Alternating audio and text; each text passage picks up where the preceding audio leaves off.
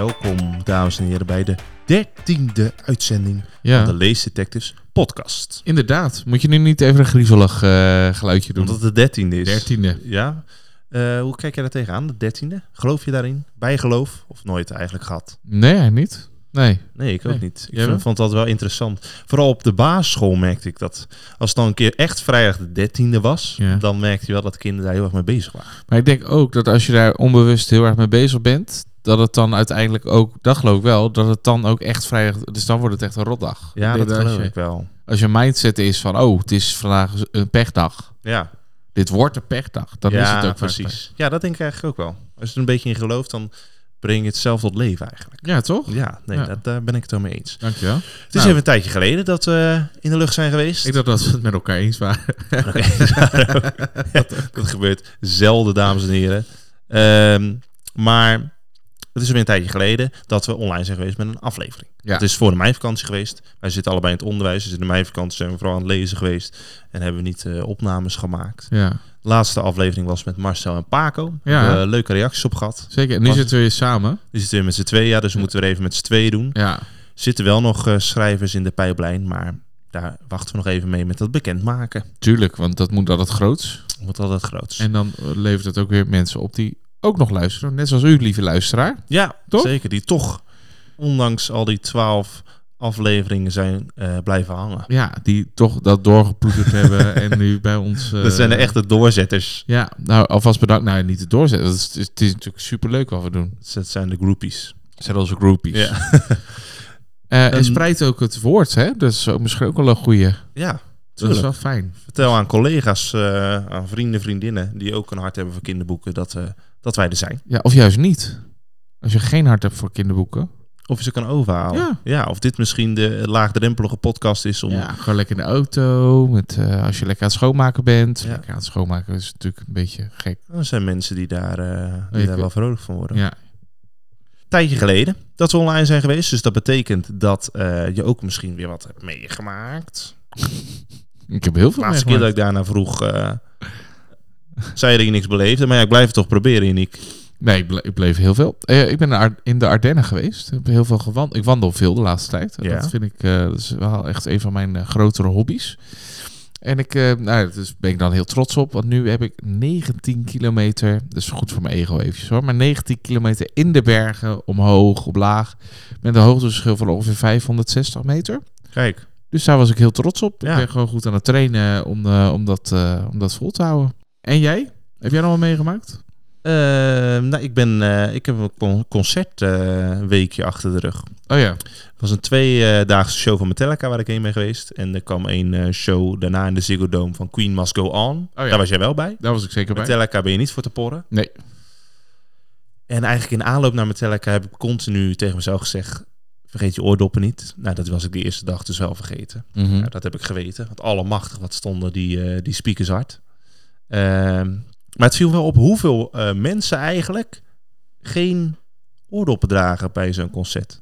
Ja, eh, het is, het is redelijk schadelijk, toch? Nou, het is wel gevaarlijk. Ja, zeker, eh, zeker bij zo'n metalconcert. is toch altijd weer net een tandje harder, heb ik het idee. Ja. Maar heel veel mensen die denken, nou, zo jong als oud hoor. Die denken nou, Maar denk, je- denk je niet dat het ook iets is voor de, van de laatste tijd meer? Dat er nog iets, iets wat... Of is het altijd dat mensen met oordoppen... nee, veel- het is, wel, eh, het is wel gegroeid het aantal, dacht ik in ieder geval. Mhm. Er zijn veel meer eh, oordoppen ook gemaakt die dan de juiste eh, geluidsgolven doorlaten. Ja. Dus dat je niet... Want vaak als je in zo'n stadion oordoppen koopt, krijg je van die gele schuimrubberen dingen. Ja, dat dempt gewoon het geluid. Mhm. Maar als je goede oordoppen koopt, dan is het gewoon eh, iets zachter, maar hoor je nog wel de juiste geluiden. Ja. En die had ik dus thuis, maar die had ik niet meegenomen. De tweede dag wel. Nou, dat was inderdaad wel een stuk beter. Ehm, dus ja, conclusie van dit verhaal. Vergeet je oordoppen niet als je naar een concert gaat. Ja, als je je oren lief bent. Ja. En je hebt je oren misschien niet nodig bij het lezen. Maar als je eh, zo'n piep in je oren krijgt, continu. Dat is niet fijn lezen, denk ik. Dus eigenlijk de reden waarom je oortjes mee moet nemen is omdat het... Eigenlijk maakt het niet uit, want bij het lezen heb je het toch niet... Voor het lezen niet. Nou, en toch lekker. weer wel, wat ik net zeg. Want je krijgt een piep in je oren als je schade oploopt. Nee, dat kan. en Ja, als je kan. op een boek focust Ja. en je krijgt zo'n piep in je oren, dat Ja. lijkt me echt verschrikkelijk. Ja. Dus daar was ik, dat, dat is meteen dat doemdenken dan, hè? Ik denk, het zal toch niet gebeuren dat ik nu één keer mijn oordoppen vergeet en dat ik met die piep in mijn oren zit. ja, ben je dan heel erg eh, hypochondrisch? Dat je dan denkt ja, van, nou, dat... een beetje wel. Nou, omdat het ook iets is wat bekend staat als dat je er niet makkelijk vanaf komt. Nee, Er is niet een operatie voor of iets. nee. Dus, eh, maar ik heb het overleefd. Ik heb het overleefd. Ehm, Oké, Eh, ben je nog wat aan het lezen op dit moment? Ehm, ik ben begonnen aan eh, deel 3 van Daar op het Spoor. Gevaar op Safari van M.G. Leonard. Die hebben we recent nog wel eens behandeld. Nou, sterker Eh, de volgende podcast komt hier ook bij mij. Komt de volgende podcast dus ook nog eh, Ja. voorbij. Die is al een keer voorbij gekomen aan de hand van Twitch. En nu heb ik vervolg eh, gelezen, dus dat komt, eh, komt er wel voorbij. Yes, dus dat komt eraan. Dus daar eh, ben ik eigenlijk net in begonnen. Ja. En ik heb net Musse Kapitein Kwaadbaard en de Amorf afgerond. Daar ga ik zo meteen iets over vertellen. Ja. En jij? Ja, tuurlijk. Missie Afbreken is uit van Pieter Koolwijk. kijk, Dus ja, mijn- kijk. een Ja. van, mijn, van mijn helden. Dus dus dat, die lag op mijn, ja, op mijn tafel. En is het eerste wat ik boven op mijn boekenstapel uh, weer Toch wel? Ja, gelijk op. Die kwam erbij en ook... woep, Ja, en die is, die is nog niet uit. Die komt 12 mei uit. Dus dat is binnenkort. Dat is, ik weet niet wanneer het uitkomt eigenlijk. Maar dat is, eh, nou goed, het is, voor nu is het de komende vrijdag geloof ik. En eh, nou ja, goed, het is, het is alweer helemaal geweldig. Ik ben Ja. echt wel alweer verliefd op. Ik, zie, ik moet ook meteen bij Missie Afbreken denken aan dat het echt een boek is waar veel mensen naar uitkijken. Ja, Een en soort er, hype. er zit ook een gevaar in. Vind Tuurlijk, ik altijd. ja. Want ik, eh, net zoals dat ik nu gezegd, ik ga nu de beste grap aller tijden vertellen. Dat heb ik een beetje dat gevoel, weet je wel. Dat, je, dat het dan, dat je dan denkt, oh, dat wordt weer helemaal geweldig. En dat Ja, het dan ja, toch altijd een beetje... Maar dat is, ja, ik hoop het niet. Tot nu toe nog niet. Tot niet, tot nog niet. Nou, we gaan het... eh, is dat ook wel binnenkort dat we daarvan gaan horen? Volgende week denk ik Kijk, ook. Ja. Tof. Dus eh, nou, die zit ook in de pijplijn. Yes. Dan gaan we gewoon zes boeken behandelen deze uitzending. Ja. Om eh, daar even tips over te geven. Om te kijken of dat wat is of niet. Ja.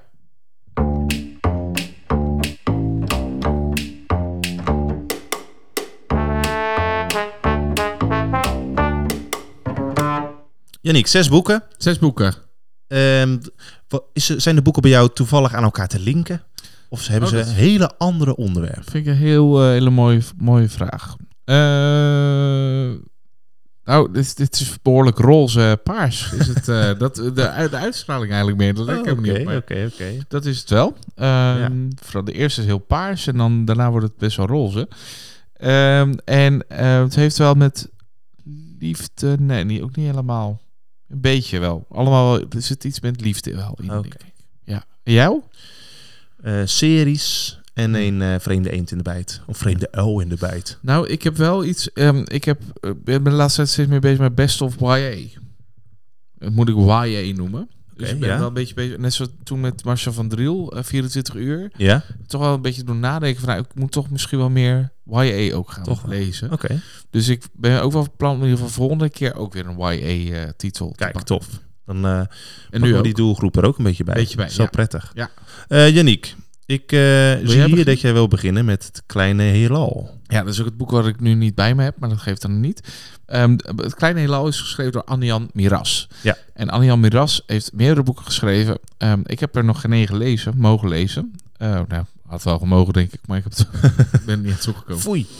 Ehm, en dit is het eerste boek dat ik heb gepakt. En ik, ik was echt wel heel erg onder de indruk van het Kleine Heelal. Ehm, het is wel redelijk eh, literair. Eh, ik weet niet of ze daar blijven worden als ik dat zeg. Maar het is, het is eigenlijk een, een mooi verhaal. eh, met daarin ook prachtige zinnen tussendoor. En dat vind ik wel heel erg tof. Ik zal eerst even vertellen. Ik heb een zin hier, een citaat. Die zal ik zo noemen. Ehm die hou nog even achterhand. Spannend. Nee, en ehm, ik zal even vertellen waar het over gaat. Het gaat over Raaf. En Raaf zit in de problemen. Raaf is een meisje. Hij zit op school. En wat is er aan de hand? Zij, is, eh, ja, zij wordt geschorst. Want eh, wat is er gebeurd? Ze liep weg van de klas. De juf wilde er achterna lopen. Ze werd eruit gestuurd voor iets. En ze gooide de deur dicht. En ze gooide zo de deur dicht tegen de neus van de juf. Die had bloedneus. Ja, dan eh, ben je sigaar. Ja, en die werd geschorst een week. En precies op dat moment kwam ze thuis en ehm, er gebeurt iets raars. Namelijk haar moeder neemt Raaf mee het huis uit. En ze gaan naar een klein uh. Um, en haar vader is er ineens niet meer. En wat zegt haar moeder dan? Haar moeder zegt eigenlijk, ja, het huis is lek. eh, we hebben lekkage. We kunnen daar nu even, op dit moment niet wonen. Dus het wordt gerepareerd. En papa is ergens onderweg. Maar langzamerhand gelooft Raaf haar moeder niet helemaal. En ze zit al thuis en ze gaat toch een beetje op onderzoek uit. Wat is er nou precies aan de hand? Ja. Nou, later komen we er een beetje achter dat het is, er is een oom, ome Fred. En ome Fred, ja, die komt op verjaardag en is een goede vriend van haar vader. En die heeft het nieuwe huisje eh, aan hun verhuurd. Maar ja, dat eh, zit niet helemaal lekker, want ze wonen onder een soort takelbedrijf. En daar gaat haar vader eigenlijk eh, dingen takelen, wegtakelen. Maar wat dat dan precies met elkaar te maken heeft en waar haar vader dan precies is, ja, dat is allemaal heel erg onduidelijk. En ze krijgt haar vader ook niet te pakken. Dus ja, eh, dat is eh, een beetje lastig. Ja. Allemaal, allemaal bij elkaar.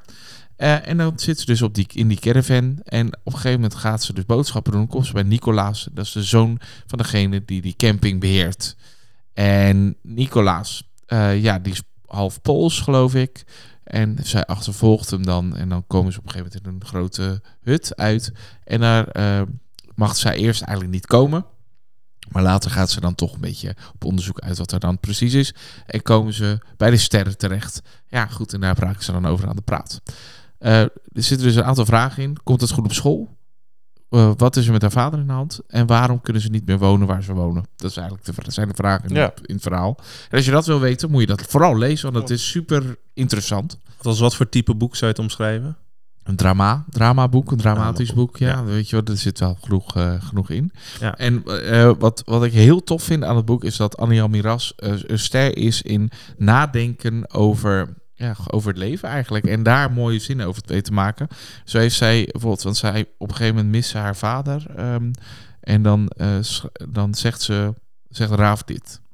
Missen is steeds weer afscheid nemen, steeds weer verdwalen in je hoofd. Missen is een soort van heelal naar binnen. Dat is toch mooi? Vond ik Ja. zo mooi beschreven van hoe, wat missen dan precies is. Nou, dat, dat, dat soort nou, volzinnen zitten dus eh, vol in dat boek. En, eh, en ik, eh, ik vind, het, eh, vind het daarom echt geweldig. En ook zeker geschikt, bijvoorbeeld als je een close reading les wil, wil Ja. maken. En als voor vrij lezen is het echt een bovenbouwboek. Ja, zeker. Ja, Ja. ja. Ja, ja. Oké, tof. Zet het je ook aan om meer van de schrijfster te lezen? Ja, wel een beetje, ja. Want ik heb ook wel begrepen, wel eens, nee, het is niet echt een, maar dat, dat haar andere boeken ook heel erg goed zijn. Dus dat, dus dat zeker, ja. We hebben een flinke stapel liggen, maar wie weet kan hij net als missie afbreken ook een eh, plekje ergens boven de stapel veroveren. Ja, misschien wel. Wie Ja, weet. ja. Dus, eh, dus nee, zeker een heel mooi boek. Ja. Dus nog even één keer benoemen. Het, Het kleine, kleine heelal heelal van Annie Miras. van uitgeverij Lemniskaat. Uitgeverij Lemniskaat. Tof. Ja, dus dat, eh, dus dat was dat boek, denk ik. Ja, Ja. duidelijk. Heb ja. je er nog vragen over? Of, eh, Nee, ik denk, eh, het is een dramatisch boek wat je aangeeft. eh, Vol zinnen. Het is ook, die volzinnen zijn wel duidelijk, ook voor, voor, voor bovenbouwers. Je hebt wel eens volzin dat je denkt, oeh, dit is wel heel kunstzinnig. Ik, het is misschien moeilijk om te begrijpen wat ermee bedoeld wordt. Ja, het, is, het verhaal blijft duidelijk. Dat is, dat is denk ik het belangrijkste. Ja, en, dat, en dat doet zij wel heel erg sterk. Dus dat, eh, dus dat is wel heel erg mooi. Maar je moet er wel even bij blijven. Dat is wel even ding. Ja, precies. Hè? Dus, dus dat is wel voor de echte nadenkers eh, geschreven, denk ik. Ja, Oké, duidelijk. dus dat. Jij hebt, eh, je hebt een hele stapel bij je. Ik heb een hele stapel bij me. Met welke wil je beginnen, Uniek? Waar ben je benieuwd naar? ja, natuurlijk Mus. Mus. Ja, Ja, die heb ik- Mus en kapitein Kwaadbaard en de Amorfe ja. heb ik hier. Derde deel van de serie is in september vorig jaar uitgekomen. Eh, dus hij heeft even op de stapel gelegen. En kapitein Ka- Kwaadbaard is natuurlijk van Kevin Hassing. eh, Ja. Die daar eh mee zijn debuut heeft gemaakt. al een paar jaar terug. En ja, die hebben we eigenlijk altijd op de voet gevolgd. En we hebben natuurlijk en kapitein Kwaadbaard en de vijf slangen gehad. En de koers naar de kraken. Nou, nu is deel drie. En dat begint al met eigenlijk de kennismaking met de Amorfe. Want dat schijnt dus een glazen schip te zijn. Oh, Een wauw. glazen schip. En dat komt aan in Zeenburgerdam. Waar eh eh, Mus en kapitein Kwaadbaard en eh, alle metgezellen op dat moment vertoeven. En ja, dan gaan natuurlijk alle alarmbellen af. Want er komt een schip zomaar Zeeburgerdam opzoeken. Mhm. En ja, het eerste, de eerste gedachte van kapitein Kwaadbaard is... Pak het zwaarste wapen Zeeburgerdam erbij en vuren die handel. Oh ja. Nou, uiteindelijk mag het schip wel aanmeren. En daar is dus een bemanning op. Met als koers een Nero, een jongen met felrood haar. Waar Mus wel eventjes van van de leg is. En al snel wordt duidelijk dat die eh, bemanning van de Amorphen maar voor één doel naar Zeeburgerdam is gekomen. En dat is om eh, bondgenoten te zoeken voor het Tetra-toernooi. Een Tetra-toernooi wordt gehouden op de Paracela. Dat is een houten dorp dat op zee drijft. En eh, daar kunnen elke keer drie schepen aan meedoen voor een prestigieus toernooi. En daar worden allerlei proeven gehouden. En Mus is onder andere gevraagd omdat ze heel lang haar adem kan inhouden. Oh ja. En er is een proef met water. Je weet niet van tevoren wat het is. Maar daar zou Mus heel goed geschikt voor zijn. Nou, uiteindelijk eh, gaan ze dus deelnemen aan dat Tetra-toernooi. En ja, dat deed me wel een beetje denken aan bijvoorbeeld Harry Potter en de vuurbeker. Oh ja. Dat was natuurlijk ook zo'n toernooi met proeven. Eh, en ja, het is gewoon heel tof eh, geschreven. Eh, in het artikel heb ik ook een beetje gezegd... Kevin Hassing, de koning van de cliffhangers. Oh ja. Want de korte hoofdstukken eindigen natuurlijk altijd met een cliffhanger. Dus dat is heel tof gedaan. Ik vond het veruit het grappigste deel. Oh ja. Er zit een stuk in dat ze lekker met, met z'n allen gaan eten... en ze krijgen allemaal een bordje scheldvis. En daar eh, ga je dus gigantisch van schelden. Mhm. Dus eh, er zit een hele pagina met heel veel eh, leestekens. Want gescholden wordt natuurlijk niet letterlijk in het boek. Dat wordt weergegeven met leestekens. Dus dat is heel grappig. En gewoon bepaalde... de buffel die een beetje Rotterdams praat. weet je. Dat, Ja. is, dat is heel grappig allemaal opgeschreven. En ja, verder is het gewoon een heel tof avontuur met die proef. Het zit heel goed in elkaar. En een origineel einde. En een verschrikkelijke cliffhanger aan het eind. Want ik... Ja, ik, heb net snel, ik heb opgezocht. Wat dat betreft ben ik blij dat hij een tijdje op de stapel heeft gelegen. Want dan is de eh, looptijd naar het volgende deel is wat korter. Want die Oh, komt ja. in november, Wraak van de. Ja, Ehm, dus ja, dat is, het is gewoon weer een, eh, een heel tof boek. ja Van. Mus en kapitein Kwaadbaard. Dus Heb je ook een idee, misschien een gekke vraag hoor, misschien heb je het niet voorbereid, maar heb je ook een idee tot hoe ver Kevin eh Hassing dat, dat de delen wil schrijven? Is er een idee? nou ja, ik denk, als ik het zo inschat, wat je wel vaker bij schrijvers hoort, is dat het op een gegeven moment, ja, ik, ik heb het verhaal wel verteld. Ja, Er zijn natuurlijk naast de avonturen die, die ze beleven, die de, waar de focus op ligt, zijn er altijd wat kleine verhaallijntjes die ernaast lopen. Van persoonlijke relaties. Bijvoorbeeld Mus en Hestia, die hebben elkaar ontmoet bij Koers in de Kraken. Dus Mhm. de moeder van Mus. ja, ja, en dat moet allemaal nog een beetje uitkristalliseren. ja. En hoeveel delen heb je daarvoor nodig? En als op een gegeven moment duidelijk is hoe die verhoudingen liggen, ja, dan moet je op een gegeven moment gaan kijken: heb ik daar nog genoeg, eh, heb ik nog genoeg stof om over na te denken? Nou, denk, dit lijkt wel een, gewoon een antwoord van Kevin zelf. Nou, zou het? dus, eh, maar ja, voorlopig eh, is er nog genoeg om over te schrijven en om over te lezen. Dus ga daar vooral mee door. ja, zeker. Wraak van de Furie klinkt weer geweldig. Dus Ja. daar kijk ik eh, naar uit. Ja, Dus kudo's voor Kevin Hassing. yes. nou, hartstikke goed. Dus, ehm, nou, dat was mijn eh, eerste boek. Yes. Dan gaan we weer eh, richting jou. Naar de roze, hè? Gaan we weer. Roze. roze. Vertel, wat Naar voor roze boek? Hartstopper. Hardstopper. En dat is um, best wel YA. En dit is eigenlijk, denk ik, mijn eerste echte graphic novel die ik heb gelezen. We zijn wel eens bij de uitgever geweest. En ze hadden eh, bijvoorbeeld gezegd... Levan Loezen, allemaal van die graphic novels, weet je wel. Zo'n zin. Ja. En toen hebben we, zijn we best wel veel op, op ons vingers Even een strafbankje gezeten. straf. Want een graphic novel in de puurste zin van het woord... is eigenlijk een serieus verhaal. Maar dan eigenlijk in een soort stripvorm. Ja, precies. Eh, en toen heb jij dat voor het eerst gelezen. Ja. Met het boek... Wat is er eh, met jou Wat gebeurd? is er met jou gebeurd? Ja, ik kon er even niet op komen. Wat is er met jou gebeurd? En eh, Heel, eh, heel goed boek trouwens. ja, Wel uit de handel gehaald, geloof ik. ja, Waarschijnlijk omdat het niet genoeg verkocht is. Ja.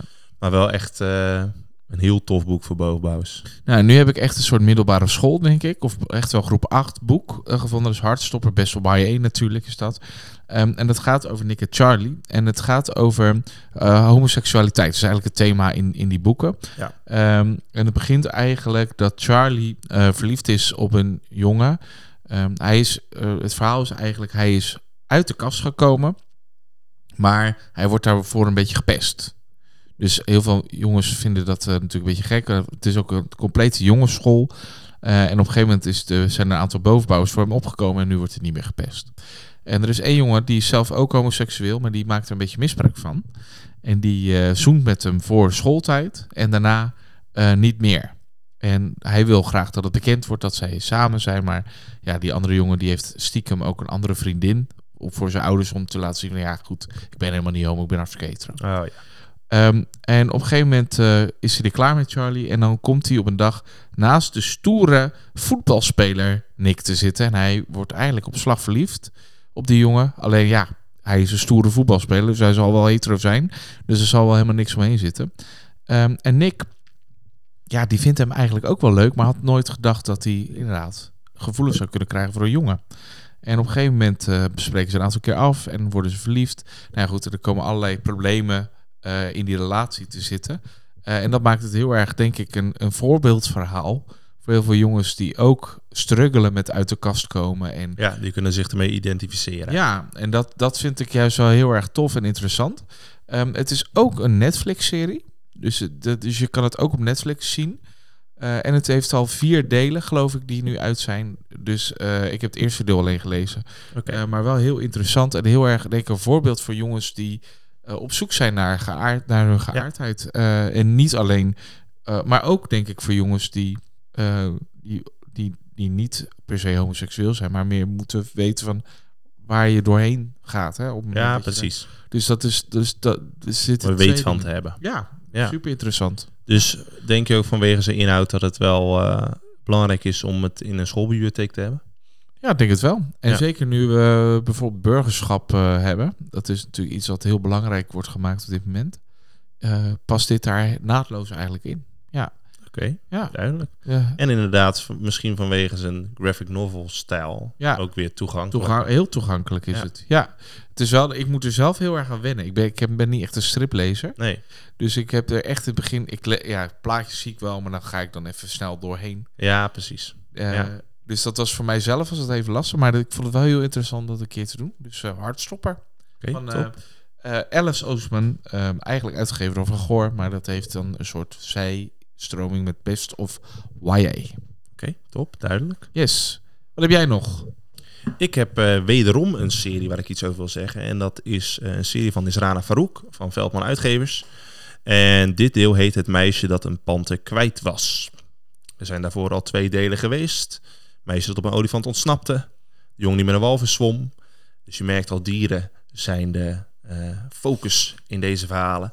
En het meisje dat een panter kwijt was, dat gaat over eh Selfie. Een Selfie is een meisje dat woont in Serendip. En Serendip is een eh, fictief eiland. Dat bedacht is door Nisrana Farouk. Daar spelen alle avonturen zich af. En dit verhaal gaat dus over Selvi die vriend is geworden met Lokka. En Lokka is een panter. Met gouden accenten op zijn vacht. Mm. En daardoor is hij heel populair. En ze merkt eigenlijk al snel dat de stropers in Serendip wel geïnteresseerd zijn in die vacht van die panter. Dus eh, wil ze eigenlijk besluiten om Lokka te gaan beschermen, om een andere kant op te sturen. Van ja, hier zijn stropers actief. Ik vind het vervelend dat ik afscheid van je moet nemen, maar dat is veilig voor jou. Maar al snel, aan het begin van het verhaal, is er een klasgenootje van eh Selvi die denkt, ja, ik weet niet wat die Selvi altijd aan het doen is daar in die jungle. Ik ga eens een keer mee. En die ontdekt dus dat Selvi contact heeft met een panter. En die laat het uitlekken, waardoor uiteindelijk eh, steeds meer mensen en zeker de stropers weten dat Mhm. eh, Lokka in de buurt is. Nou, en dat wordt dus een avontuur waarin aan het begin van het verhaal Amir, dus diegene die eigenlijk eh, ontdekt dat Selfie vriendjes is met de panter, eh, en Selfie die komen op een gegeven moment in contact met de panter. Daar gaat iets mis, waardoor de panter van een klif afvalt. Dat is net de Oh. Lion King. Ja. Eh, maar er kwamen toen geen bizons, kan ik je vertellen. Ehm, en dan daarna zijn ze Lokka kwijt, maar ze willen hem ook beschermen. Dus ze zullen hem eerst moeten vinden eh, om hem te kunnen beschermen. Nou, en daar zit het verhaal in. Ehm, ik denk dat je de boeken in eh zekere zin kan vergelijken met Mus en Kapitein Kwaadbaard vanwege de korte hoofdstukken met de cliffhangers. Dat doet dus Nisrana Farouk ook heel goed. Het zijn altijd prachtig geïllustreerde boeken. Dus ja, ehm, ik weet dat er ook weer nieuwe delen komen. Eh, volgens mij iets met een beer, dacht ik. Dus het zal waarschijnlijk eraan liggen of de, de boeken goed genoeg eh, verkopen. Of Ja. dat deel er komt. Maar ik vind het eh, hartstikke toffe boeken. Lekker actievol. Beginnen meteen in de actie altijd. Mhm. Dus eh, zeker een, een boek om in de gaten te houden. Het is voor 10 tot 12 jaar. Dus wel echt een bovenbouwboek. Ja, ik heb nog wel een vraag erover. Ja? Bijvoorbeeld die Mus en Kapitein Kwaadbaard heeft, eh, is gewoon een reeks natuurlijk met Mus en Kapitein Kwaadbaard met dezelfde hoofdpersonen. Ik had het gevoel dat het bij de, deze reeks van Nisrana Farouk niet is. Nee, dat klopt. Het speelt zich wel op hetzelfde eiland af. Maar eh, er zijn verder vrij weinig gelijkenissen in de verhalen. Dus het zijn echt losstaande delen. Mhm. En eh, je kan wel wat dingen herkennen misschien van vorige boeken. Maar dat is zo'n, heeft niet echt een meerwaarde. Oké, tof. Dus dat eh, is ergens een voordeel. Ja, Ja, want dan kan je gewoon los, vrij Ja, schrijven. want ik vond bij Muziekapitein Kwaadbaard en Amor vond ik wel echt dat hij veel beter tot zijn recht komt als je de vorige delen hebt gelezen. Omdat hij in die relaties tussen die bemanningsleden, Ja, dat evolueert zich echt in de boeken. ja. Dus, en dat mis je gewoon als je in deel 3 alleen instapt. ja top. Dus dat. Leuk. Dan eh, heb je er nog één in de aanbieding. Yes. Adiba. Ja, en deze stond al heel lang op mijn lijstje. Dit is ook iets ouder boek, denk ik, maar dat was Hartstopper ook wel. Ehm, en Adiba is eh, geschreven natuurlijk door Janneke Schotveld. En ehm, nou ja, ehm, het gaat over Adiba, dat is een oude heks. Hij komt, zij komt eigenlijk voor in de Kikkerbillies van de Koning, in dit, eh, de verhalenbundel. En eh, Adiba is een heks die, die boven de boom zit, midden in de, in de stad. En die helpt eigenlijk de mensen. En ehm, eigenlijk zijn dit weer een aantal losse verhalen erin. Maar daarin komen wel al die mensen weer terug. Dus het is niet helemaal losstaand, maar wel een beetje. Oké. En eigenlijk beschrijft zij het jaar van die Adiba. Ehm, en bijvoorbeeld, eh, wat ik heel tof vind aan het boek, is dat er heel veel maatschappijkritische dingen ook in staan. En daar, dat kan Janneke Schotveld als geen ander, denk ik. Want als je dus ook bijvoorbeeld gaat kijken naar de Kattenmannetje en de Kikkerbillies van de Koning, die staan daar ook heel veel verhalen Ja, in. Egon legt een ei. Eekhoorn legt ei natuurlijk, ja, ook allemaal verhalen in. Waarbij ze kijkt naar de maatschappij. En daar maakt ze dan een mooi of een interessant verhaal van. En dat doet ze bij Adiba ook weer heel erg sterk. Bijvoorbeeld, er is een, dan dan een natuurles. Eh, en die juf, die juf die komt er ook heel veel in voor in het boek. En eh, die juf die, eh, die geeft dan een natuurles aan de hand van het digibord. En dan als Adiba dan langs gaat op de bezem en ze ziet dat, dan denkt ze, ja, dat kan toch niet? Dat ze gewoon een natuurles geven aan de hand van het digibord. Ja. En wat ze dan doet, dan eh, bedenkt ze toverspreuk en dan zijn ze opeens in het echte bos. En daar laat ze Oh, zien van tof. daar leer je echt wat de natuur nou precies doet. En dan Ja. valt er eentje uit de boom. En weet je wel, nou goed. Eh, en en ehm, eigenlijk allemaal dat soort lessen zitten daarin. En eigenlijk, dit is nu een van de, van, van de zes, zeven verhalen die erin zitten. is gewoon niet al eh, alles voor de voeten van Janneke Schotveld wegmaaien. Maar, ehm, maar dat soort verhaaltjes zitten erin. En dat vind ik juist heel erg tof.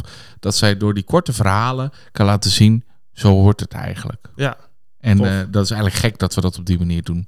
Ja, Dus, eh, nou dus ja, het zit, zit je misschien ook over dingen aan het denken waar je in eerste instantie gewoon zelf helemaal niet over nadenkt. Ja. Want het is als leerkracht natuurlijk makkelijk om een filmpje van digibord op te zetten. Ja, En dan als je dat leest, denk je, oh, misschien moet ik inderdaad eens meer naar buiten gaan. ja. Dus ik, maar ik denk ook stiekem wel dat dat natuurlijk het doel is van Janneke Schotveld als Ja. ze dat schrijft. ja het ook ja, aanzetten tot nadenken. Ja. En, eh, en dat vind ik heel erg tof. En dat heeft ze goed gedaan. Dus, En ik eh, vond het wel tof als je, ik heb ook de vorige bundel zoals in de klas gebruikt, dat je eh, dan naar, of na het verhaal vraagt van, joh, waar ging het nou eigenlijk over? Het was een leuk verhaal, maar zit er een boodschap achter? Dat is Ja. altijd wel leuk om eh, mee aan de slag te gaan. Ja, dus echt een moraal. En Ja. dat, eh, dat doet zij altijd eh supergoed. Dus eh, Ja, heel erg heel tof. enthousiast ook over Adiba. Een must-have denk ik in je, in je schoolbibliotheek ook weer. Kijk eens even. Ja, zeker. Let the money roll. Maar Sander, je hebt nog één boek voor ons. En dat is een, met een klapper. een prentenboek. Een prentenboek van Christopher Denise van Lemneskaat en die heet Ridder L. Yes. Heb je wel eens een L als ridder gezien? Nee, want uilen zijn wijs. Ja, Dus dat past waar, hè? niet. vaak zijn ze niet eh, degene van de kracht. Nee, Nou, deze L is, eh, heeft één grote droom. dat is... En dat is ridder worden. Ah. Alleen ja, dat is een probleem met Koninkrijk. Want het is eigenlijk al wat je zegt. Ridders zijn- of eh, uilen zijn nog niet eenmaal geschikt om ridder te worden. Nee. Ze hebben daar de fysiek niet voor. Ze, hebben daar de, eh, ze zijn er gewoon niet lang genoeg voor. Ehm, dus ja, dat lijkt eigenlijk op niks uit te draaien. Maar op een gegeven moment verdwijnen de ridders uit het koninkrijk, uit het kasteel. En daardoor gaan de eisen voor het worden van ridder gaan omlaag. Dat is de kans voor El om zich gewoon in te schrijven. Ja. Nou, hij gaat de opleiding in. En ja, dat valt hem wel zwaar. Want als hij eh, het schild moet dragen, ja, dat werkt natuurlijk niet. Het harnas is te groot. En hij valt ook vaak overdag in slaap. Hm. Nou, dat is ook logisch voor een El, want Ja. dat is een nachtdier. Maar op, hij, op een gegeven moment, na hard werken eh, en veel eh, waardering te krijgen van de andere ridders, slaagt hij. Mhm. Wordt hij ridder. En wordt hij ingezet voor de nachtdienst. Dus hij moet vaak patrouilleren op de, ja, bovenop de, de, muren. Mhm. En op een gegeven moment hoort hij iets aankomen vliegen. En dat lijkt dus een draak te zijn. Nee. En ja, dan ben je zo'n kleine uil. Mhm. En dan moet je het op gaan nemen tegen een draak. Nou, daar heeft uil wel een hele bijzondere oplossing voor. El denkt namelijk dat thuisbezorgd de oplossing is voor al uw problemen. Oké. ik, ik ben helemaal aan de war nu. Ja, dat was ik ook toen ik het las. En ik ga niet vertellen wat er precies gebeurt. Maar dat is ook een beetje de subtitel van een bespreking die ik heb geschreven. Ja. Thuisbezorgd voor mensen die denken dat thuisbezorgd de oplossing is voor alles. Nou, dat is echt mijn boek. En die ja, boek, dat, zijn, dat zijn nogal wat mensen, Jenny, kan ik jou vertellen. Thuisbezorgd. Eh, dus ja, het is echt een prachtig geïllustreerd boek. Mhm. Ik vind het altijd wel grappig dat het natuurlijk, eh, het is een Engelstalig boek eh, origineel, Ja. Engelstalig prentenboek. En dat ze dan natuurlijk, als ze dat vertalen, pikken ze natuurlijk de, normaal gesproken de tekst en de grote afbeelding waar tekst op staat, die pikken ze eruit om te vertalen. Ja. Dus als je naar de details kijkt van een klein boekje dat een ridder ergens bovenaan de bladzijde leest, dan zie je nog dat het Engels is geschreven. Mhm. Alleen de, eh, de grote teksten zijn vertaald. Nou, het is echt prachtig vormgegeven, prachtig eh, geïllustreerd. Ehm, dus het is echt een boek voor vermaak. Ik ga er niet een heel moraal eruit halen. Mhm. Ehm, het is gewoon echt leuk om te lezen. En een beetje, zo, hoe zou ik het zeggen, cozy. Beetje Gezellig. gezellig. Echt, ik vind het eigenlijk echt een winter, winterprentenboek. Oh ja, voor het haardvuurtje. Bij een haardvuurtje. Of als je het in de zomer leest, dan bij een kampvuurtje. Ja, buiten dan. Ja. Ja. Niet in het kampvuur, maar vooral niet te dichtbij houden. Dan is er geen uil meer. Nou, kijk, ik moest altijd denken... In het onderwijs zeggen we dat wel veel... dat je een adelaar moet je niet leren zwemmen. Ja. Dat, dat- daar moest ik gelijk aan denken. Dat Ja. wil ik even erin gooien. Dat het gek is, omdat hij dat toch niet kan. Maar hij kan fantastisch vliegen. Ja. Dus zet iemand in op zijn krachten. Is dat Ja. niet moraal? Ja, zo zou je het nog kunnen zoeken. Maar ik vind dat er prentenboeken zijn die echt heel erg op moraal zitten. En er zijn heel veel boeken die in een grijs vlak komen. Een beetje wel, maar vooral ook vermaak. Mhm. En je hebt boeken, daar kun je zes keer lezen. En dan denk je van, nou, volgens mij is dit echt om te, te lachen. Mhm. Ja? Ja, tof. Dus eh, bij deze, Ridder L van Lemneskaat en Christopher Denise. Tof. En dan zijn we alweer aan het eind gekomen van deze uitzending. Ja, Zes boeken eh, getipt. yes. Je gaat ze nog eh, terugzien. eh, je kan ze terugvinden op onze website. Ja, ze zijn allemaal te, heb ik geschreven. Hebben we het allemaal wat uitgebreider toegelicht. Ja. En we hopen dat je er wat aan, wat, wat aan hebt gehad. Weet je al wat, je, wat we de volgende keer gaan bespreken, Sander? Nou, de volgende keer, je hebt natuurlijk al een tipje van de sluier weggegeven. We gaan niet te veel zeggen. Maar onder andere missie afbreken zal voorbij komen. Ja, denk ik, als ik het red. Ik denk en, het wel. eh, ja, en ik pak altijd een prentenboek erbij. ja. En eh, nou, wie weet dader op het spoor dat hij al erbij komt. ja, ik maar pak dat, nog wel een YA van ja. Mirjam Maus, denk ik, erbij de volgende keer. Ja. Ja. Dus dan dan, daar eh, iets over horen. Hebben we weer genoeg te melden. Yes. Dus over twee weken zijn we weer online met z'n tweetjes. ja, Dus Nog wel. tot dan. tot dan. Hartstikke bedankt voor het luisteren.